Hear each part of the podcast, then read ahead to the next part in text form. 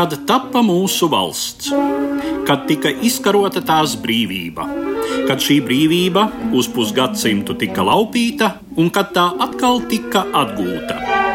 Visos šais laikos Latvijas intereses tika aizstāvētas diplomātisko cīņu laukos. Latvijas ārpolitika un diplomātija simts gados raidījumu ciklā Nepārtrauktība. Latvijas radio ēterā reizi mēnesī Eduarda Liniņa sarunās ar vēsturniekiem un Latvijas ārpolitikas veidotājiem. Cikls top ar Latvijas Republikas ārlietu ministrijas atbalstu. Labdien, cienījamie klausītāji! Ziemeļatlantijas aizsardzības organizācija, jeb NATO, Latvijas virzība uz to un darbība tajā. Tas ir mūsu šodienas temats, un mans sarunbiedrs studijā Latvijas valsts prezidenta kancelējas vadītājs un viens no, es gribētu teikt, pieredzējušākajiem Latvijas ārlietu dienesta darbiniekiem - Andris Teikmanis. Labdien! Labdien! Pirmie motīvi par to, ka Latvija varētu pievienoties Ziemeļatlantijas aizsardzības organizācijai, parādījās 90. gadu vidū, un tas ir arī laiks, kad jūs sākāt savu darbību ārlietu dienestā. Vispirms kā Latvijas pilnvarotais un ārkārtējais vēstnieks Eiropas padomē. Kā jūs atceraties to laiku, ko šī sākotnējā virzība uz NATO nozīmēja Latvijas ārlietu dienestam? Es domāju, ka ārlietu dienests toreiz pārdzīvoja tādus tiešām milzīgus izaicinājumus, kā nodrošināt valsts drošību ilglaicīgi. Un tas bija tāds pilnīgi jauns uzdevums, kaut gan no otras puses mēs varējām skatīties atpakaļ un censties mācīties no savām kļūdām. Un es domāju, tas viens svarīgais secinājums bija, ka mēs esam pārbaudījuši, ko nozīmē mūsu reģionā palikt neitrāliem un censties neiesaistīties nekādos blokos vai aliansēs, un mēs zinām, ar ko tas beidzās. Toreiz, 90. gada pirmajā pusē, bija tik ļoti dažādas diskusijas un modeļi par to, kas tad varētu būt tas optimālākais, kā nodrošināt Latvijas drošību ilglaicīgi. Domas bija diezgan dažādas. Šeit, es domāju, mums bija arī jāsaprot, ka runa neiet tikai par Latviju. Protams, runa bija par visu Baltijas reģionu, jo es domāju, tā arī bija mūsu mācība, ka Baltijas reģions būtībā ir viens vienots reģions, arī izējot no drošības apsvērumiem. Protams, 95. gadā jau Latvijas valdība bija iesniegusi pieteikumu uz dalību Eiropas Savienībā. Tas vēl bija ļoti tāls ceļš, protams, tomēr tas bija tāds lielais solis, kas apliecināja, jā, mēs vēlamies būt daļa no Eiropas. Mēs vēlamies nokļūt atpakaļ Eiropā vai arī vest Eiropu atpakaļ Latvijā. Un, protams, tā 50 gadu okupācijas nasta bija ļoti smaga viņa prasīja mainīt domāšanu. Un tas tik ātri nenotiek, vismaz ne visiem. Toreiz es atceros, bija diskusijās ļoti dažādas opcijas. Pat es atceros, viena no opcijām bija divpusējas vai krusteniskas garantijas starp Zviedriju un Krieviju. Kad mēs paskatāmies ar šodienas acīm, cik droši mēs justos, ja mūs sargātu krusteniskas garantijas starp Zviedriju un Krieviju. Šodien tas liekas smieklīgi. Toreiz, protams, šādas tēmas bija uz galda un šādi varianti tika apspriesti. Es varētu varbūt pat vilkt kaut kādas paralēlas arī ar atmodu un cīņu par Latvijas neatkarību arī 88. gadā Tautas fronti tā uzreiz nevarēja nemaz pateikt, jā, mēs gribam neatkarību tika izdomātas dažādas citas formulas, lai pamazām pieradinātu vai vismaz iedzīvinātu šīs formulas un virzītos tālāk. Arī 90. gados, domājot par NATO, tika apspriesti dažādi varianti, bet, nu, protams, vienīgais un ilgtspējīgais varēja būt tikai dalība NATO aliansē. Tur mums bija jāņem vērā, ka viena lieta ir tā, kādā gatavībā mēs esam, jo arī NATO tāpat kā dalībai Eiropas Savienībā, Eiropas Savienības dalībai tika noformulēta 93. gadā tā saucamie Kopenhāgenes kritēriji, par tiesisku valsti, brīvu tirgu un cilvēktiesību ievērošanu. Un šie principi bija svarīgi arī NATO. Un, jāsaka, Latvijai bija diezgan daudz ko darīt gan visu šo principu ieviešanā, gan arī savas aizsardzības sistēmas izveidošanā. Un aizsardzības sistēma bija jāveido no nulles. Krievijas armija pameta Latviju 94. gadā, un mēs saņēmām tādas drupas no visām militārajām bāzēm, un mums nebija ne ieroču, nopietnu, ne plānu. Un tā kā nu, mums pašiem bija ļoti daudz kas jādara, lai mēs būtu gatavi arī dalībai NATO. Un neapšaubāmi tur vajadzēja arī kopīgu NATO dalību valstu konsensus lēmumu un tas arī nenāca viegli. Tas bija lēmums arī, kas skāra visas valstis, kas atradās aiz dzelzceļa priekškara, tās tektoniskās Eiropas izmaiņas, kas prasīja izmaiņas domāšanā gan Austrumēropā, gan Rietumēropā. Lai Rietumēropa saprastu un Austrumēropa saprastu, ka ir viena Eiropa ne tikai vārdos, bet arī dzīvē. Tur diezgan daudz bija jāmainās domāšanā, Es domāju, viena no valstīm, kas varbūt vislēnāk piekrita tam, tā bija Vācija. Jo, protams, Vācijai pirmā prioritāte bija pabeigt Austrumvācijas un Rietumvācijas apvienošanu, un, protams, arī attiecības ar Krieviju. Jo dabīgi arī šī apvienošana bija lielā mērā atkarīga no Krievijas piekrišanas, un toreizējā vēl cerība arī uz prezidentu Borisu Jelcinu, kurš it kā tajā laikā vēl deva rietumiem cerības, ka Krievija virzās uz demokrātijas kursu. NATO dalība valstis tiešām bija ļoti uzmanīgas, un tāpēc arī bija nepieciešami vairāki gadi, kamēr 97. gadā Madrides samitā tika pieņemts lēmums uzņemt NATO Poliju, Ungāriju un Čehiju. Tas bija tas pirmais lūzuma moments, ka Austruma Eiropa var būt kopējā Eiropas daļa, kopēja ar Rietumu Eiropu, kopēja ar tām Rietumu Eiropas valstīm, kas bija NATO aliansē. Toreiz jau vēl eksistē arī tāda organizācija kā Rietumu Eiropas Savienība, kas manuprāt, tagad jau diezgan sen ir pazudusi. Izkususi, izkususi kaut kur smiltīs. Jā. Tiešām šie politiskie lēmumi nenāca viegli. Dabīgi Latvijas ārlietu dienestam tas bija viens no lielajiem un centrālajiem uzdevumiem - virzība vienlaicīgi gan uz Eiropas Savienību, gan uz NATO. Un tas, kas palīdzēja patiešām, piemēram, atšķirībā no Eiropas Savienības, kur jāsaka, tas atbalsts Eiropas Savienībai bija diezgan svārstīgs, tad dalībai NATO atbalsts Latvijā vienmēr bija ļoti augsts. 70 un vairāk procenti, un patiešām varēja redzēt, ka Latvijas iedzīvotāji stingri vēlās sev drošību, un šo drošību var dot NATO. Nebija viegli tiešām panākt šo konsensusu NATO aliansē. Es domāju, pirmā paplašināšanās bija tā tāds izmēģinājums, ko teiks Krievija. Nu, Krievija neteica neko labu, bet arī neko nedarīja.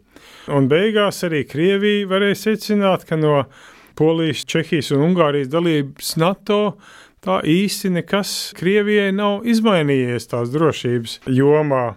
Protams, Varšavas pakts bija pats izjucis, un tas notika ļoti ātri, pašā 90. gada sākumā. Darbojās arī ECO sistēma, bet tā bija balstīta uz augstā kara principiem. Un tagad Eiropa bija izmainīta, un tāpēc īstenībā bija ļoti daudz neziņas, bija ļoti daudz jautājumu, un vajadzēja varbūt šo jauno drošības sistēmu domāt pavisam no jauna. Nebija viegls uzdevums, jo dažādās dalību valstīs varbūt idejas par šo jauno drošības sistēmu bija diezgan atšķirīgas, vajadzēja daudz diskutēt, lai savestu kaut kā uz vienas lapas ļoti dažādas, arī geogrāfiski dažādas Eiropas valstis. Es atceros pēc darba Eiropas padomē, kas, protams, nebija saistīta ar NATO, bet tomēr bija daļa no šo Eiropas tiesiskuma principu veidotājiem. Tā bija tāda pirmā Eiropas organizācija, kurā Latvija iestājās. Arī nebija viegli, bet tomēr pēc Strasburgas man sākās darbs Bonnā un pēc tam Berlīnē. Un tiešām es varēju redzēt, cik ļoti ļoti atturīgi bija vācu politiķi pret Baltijas dalību NATO. Kādi bija tie galvenie argumenti, atgādinot tās viņu bāžas?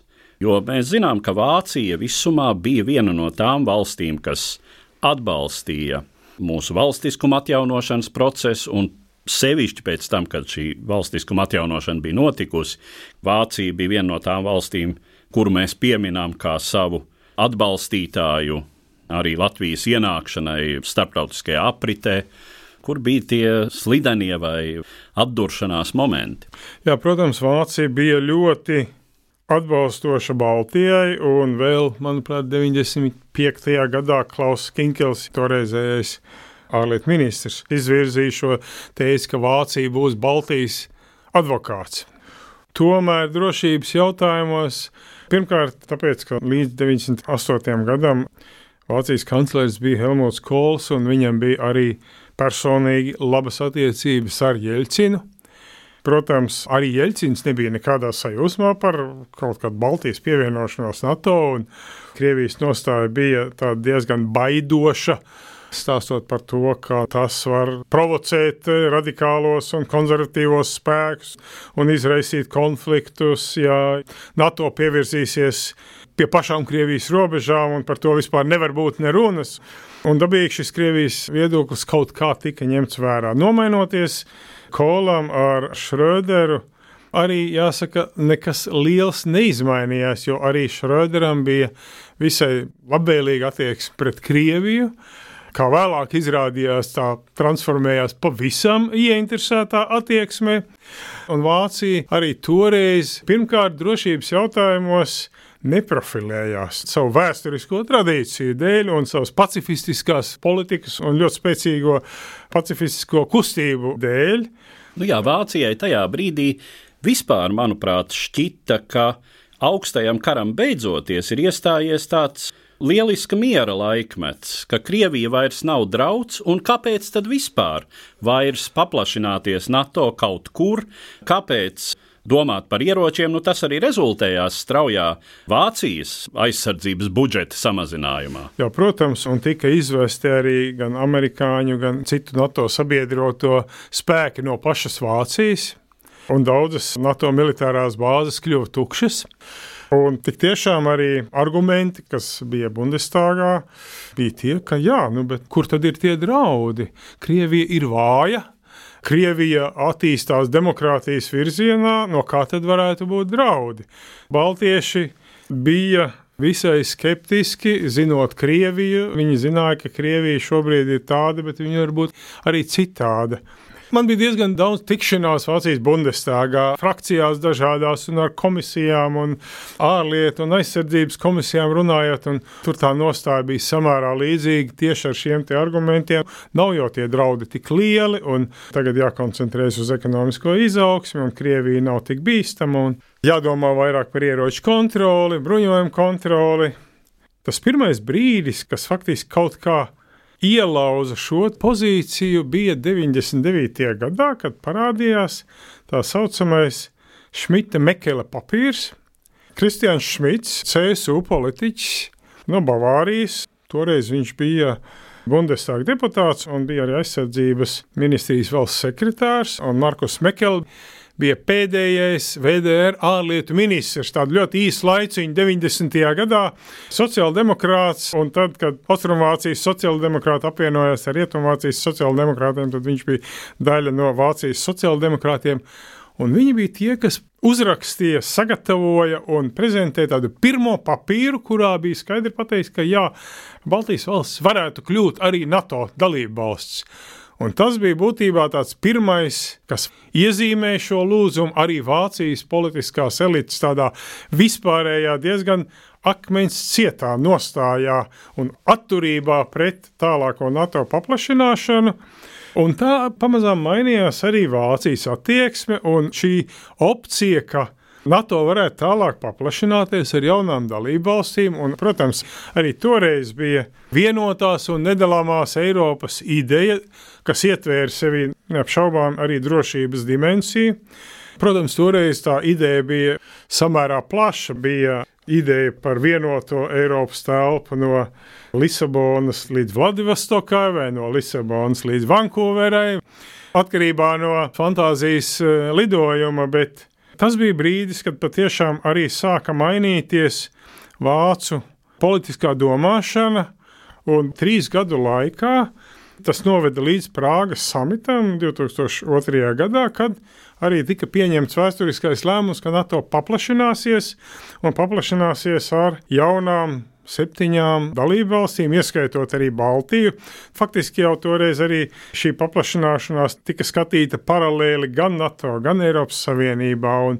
Bija tā saucamie regates modeļi, kad katram ir vienādas iespējas, un cik katrs tālu spēja attīstīties, tik arī ir nopelnījis kļūt uzņemtam. Un bija modeļi par to, ka varbūt Igaunija varētu iestāties Eiropas Savienībā, bet Lietuva varētu iestāties NATO, un Latvijai tik labi toreiz negāja arī nemaz. Tā kā šīm diskusijām mēs gājām tik dažādām, kamēr tomēr tie bija arī politiķi jāatzīst, kas skatījās tiešām uz Eiropu tādā ilgtermiņā. Un dabīgi šī ilgtermiņa, ilglaicības domāšana noveda pie vienīgā, jēdzīgā, racionālā un pareizā lēmuma, ka, ja mēs gribam nedalāmu Eiropu, tad viņai jābūt nedalāmai drošībai, un to var dot tikai NATO.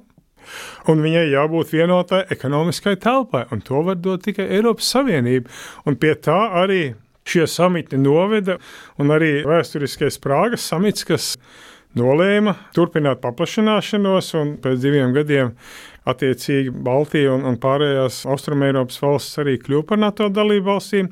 Arī šodien es varu teikt, ka tādēļ Krievijas rietumu robežas nav kļuvušas vairāk apdraudētas.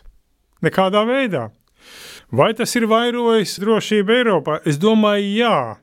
Kaut gan, protams, arī zināma pretīm stāvēšana un attālināšanās kopējos principos vai kopējās vērtībās ir notikusi, neapšaubām.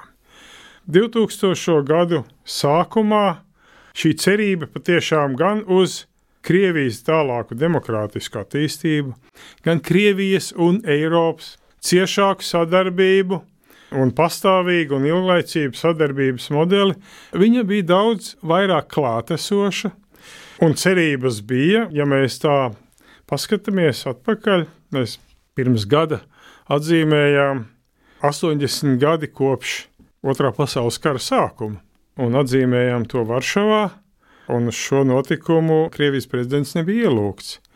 Desmit gadu iepriekš, uz 70 gadu viņš bija ielūgts. Un tas bija prezidents Putins, kas toreiz atzina, ja pēc Otrā pasaules kara ne visas Austrumēropas valstis nonāca demokrātijā un cilvēktiesības tika ievērotas, un Austrum Eiropā valstis baudīja brīvību. Toreiz viņš vēl to varēja atzīt. Laikam šodien viņš vairs neko tādu neteiktu, un eh, šodien varbūt arī lietas ir nostājušās savās vietās. Vai mēs varam teikt, ka augsto karu ir nomainījis augstais miers? Es domāju, tas ir atkarīgs no epitetiem, ko izvēlās politiķi, tomēr es domāju, viena lieta nav mainījusies, un patiešām valsts Eiropā ir ieinteresētas, lai Eiropā neatjaunotos militārie konflikti. Un tāpēc arī es domāju, ka katrs pat neliels salīdzinoši militārs konflikts, kā piemēram konflikts Ukrainā, tas ir tas, kas patiešām ir ļoti ietekmējis arī Eiropas valstu, NATO, Eiropas Savienības dalību valstu domāšanu, vērtējumus par Krievijas rīcību, arī attiecībā uz drošības jautājumiem. Tā kā, manuprāt, tā kopumā, ja mēs tagad skatāmies Latvijas, nu jau vairāk kā 15 gadi, NATO aliansē ir devuši vairāk domu skaidrību pašā Eiropā, gan Eiropas Savienībā, gan arī NATO. Un varbūt tie argumenti, ko Baltieši lietoja pirms desmit gadiem, šodien tiek lietot Eiropā. Ne tāpēc, ka Baltieši ir supervaras, kas brutāli ietekmē NATO un Eiropas Savienības valstu viedokli.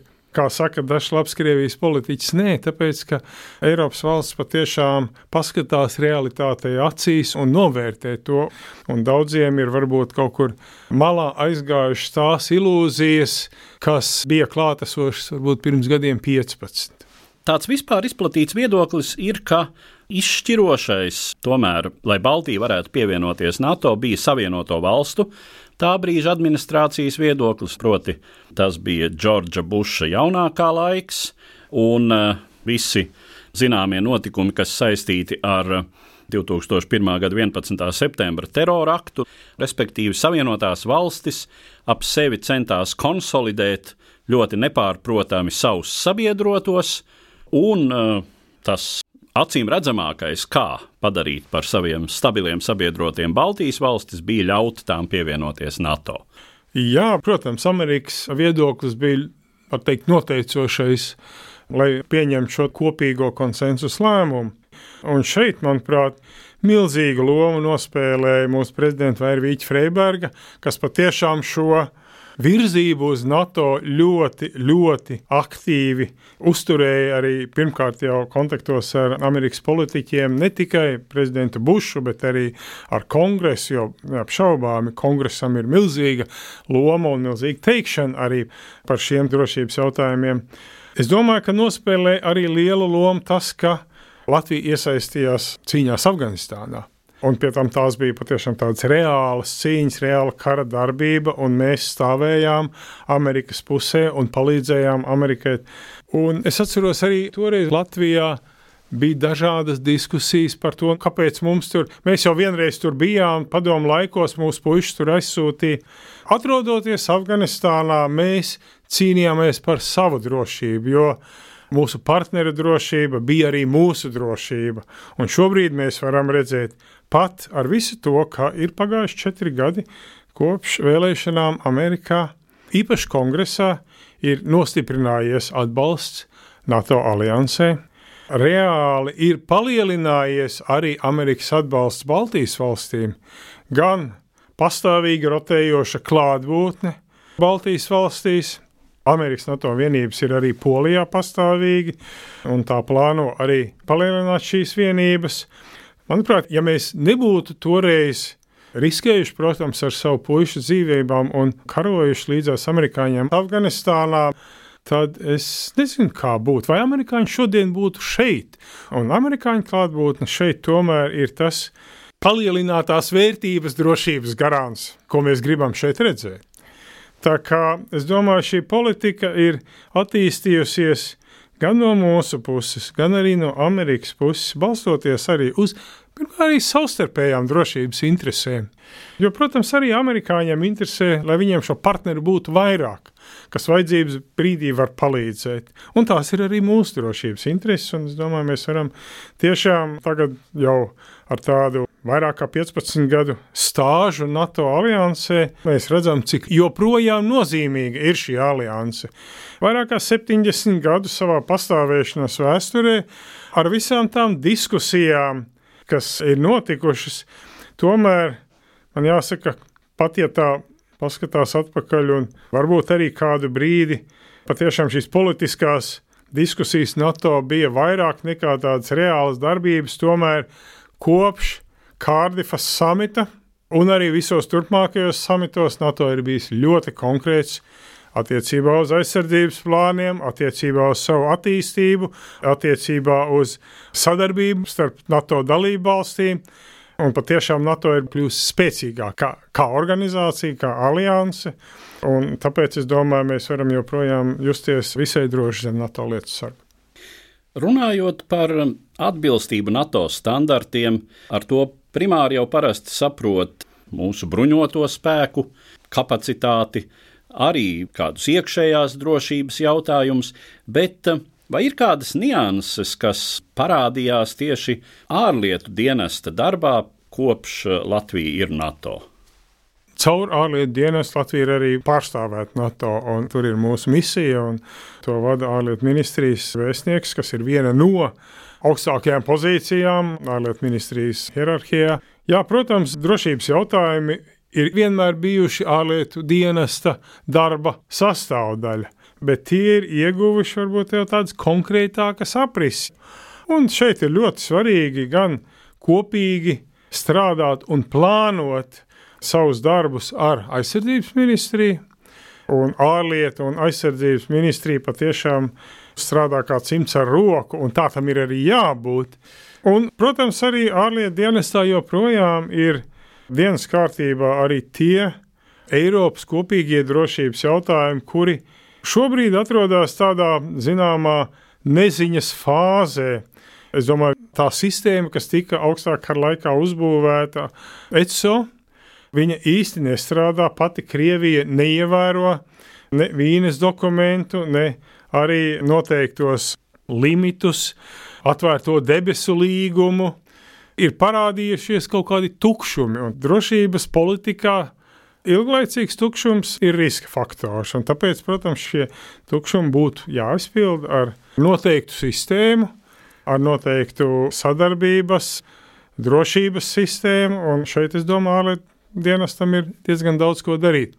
Runājot par pašreizējo situāciju, kādi jūsuprāt ir NATO alianses darbības aktuālākie problēma jautājumi, un kāda ir Latvijas pozicionēšanās šais jautājumos un Latvijas atkal jau ārlietu dienesta darbība, veidojot divpusējās attiecības ar valstīm NATO ietvaros.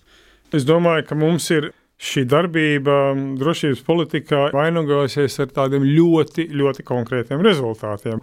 Mums ir ādažos pusotra tūkstoša deviņu NATO valstu karavīri, kas reāli veids mācības un attīsta dažādus sadarbības modeļus.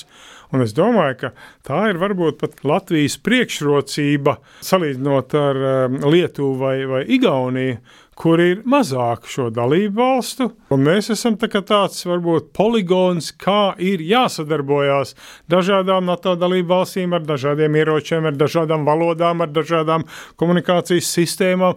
Un tas ir tas veids, kā mēs ļoti konkrēti attīstam NATO aizsardzību caur šo IFP vienību darbošanos Latvijā.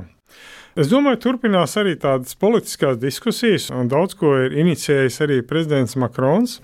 Un, protams, drošības tēma arī bija viena no tēmām viņa nesenās vizītes laikā Latvijā.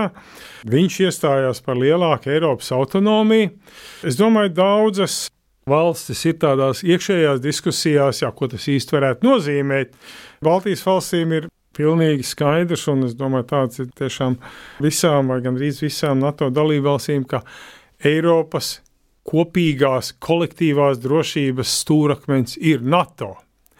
Nav jēga veidot kaut kādas paralēlas struktūras un tagad audzināt kaut kādus paralēlus štābus un komandu ķēdes tikai Eiropai, jo tā būtu naudas un resursu izšķiešana. Tā pašā laikā, es domāju, ļoti lielas perspektīvas teksim, NATO un ES sadarbībā ir izveidot kopīgu formātu.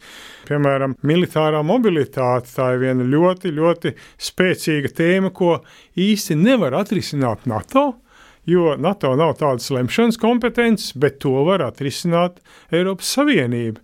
Gan veidojot transporta infrastruktūru, gan pielāgojot to ātras militārās pārvietošanās vajadzībām, gan veidojot pārvietošanās un robežu šķērsošanas režīmu militārajām vienībām, un to var darīt Eiropas Savienības ietveros, un tas arī notiek. Tā kā šī ir tā diskusija, tā veselīgā daļa. Protams, vienmēr būs skeptiķi, kas teiks, ka NATO ir jau tāda pagātnes organizācija, un tas tā vienmēr ir bijis. Tāpat kā ir bijusi diskusija par Eiropas Savienību, par viņas drīzo galu, un kaut kā pagaidām gan Eiropas Savienība ātrāk vai lēnāk tomēr virzās padziļinātas sadarbības virzienā. Es nedomāju, ka Eiropas Savienība, piemēram, varētu kļūt par tādu centralizētu federālu Eiropas valsti vai Eiropas Savienotajām valstīm. Tomēr mēs redzam, cik ļoti nepieciešama ir šī padziļinātā sadarbība. Ja ir izveidota Schengen, tad migrācijas krīze 11. gadā parādīja, ka ir nepieciešama arī kopīga ārējo robežu apsardzība. Un tas arī notiek. Un tas pats arī notiek NATO. Šeit, es domāju, tie jaunie uzdevumi radās NATO, un NATO tos risina. NATO apstiprina arī jau konkrētus aizsardzības plānus, un arī tā skaitā Baltijas reģionam. Tā ka, manuprāt, šī pēdējo gadu NATO darbība ir bijusi patiešām diezgan produktīva, un mēs pilnīgi noteikti nevaram NATO saukt par tādu politisko diskusiju klubu, kas tikai padiskutē par Eiropas kopējo drošību un tad aiziet mājās. Ar tādu secinājumu mēs arī noslēgsim mūsu šodienas sarunu, kas bija veltīta Latvijas ārlietu dienesta darbībai Latvijas dalības NATO kontekstā, un es saku paldies manam sarunbiedram, Latvijas valsts prezidenta kancelēs vadītājam un pieredzējušam Latvijas ārlietu dienesta darbiniekam Andrim Teikmanim. Paldies! Latvijas radio ēterā raidījumu cikls Nepārtrauktība. Sagaidot Latvijas Republikas atzīšanas de jure simtgadi, stāstām par mūsu valsts ārlietu un diplomātijas vēsturi un šodienu. Latvijas radio ēterā reizi mēnesī Eduarda Liniņa sarunās ar vēsturniekiem un Latvijas ārpolitikas veidotājiem. Cikls top ar Latvijas Republikas ārlietu ministrijas atbalstu.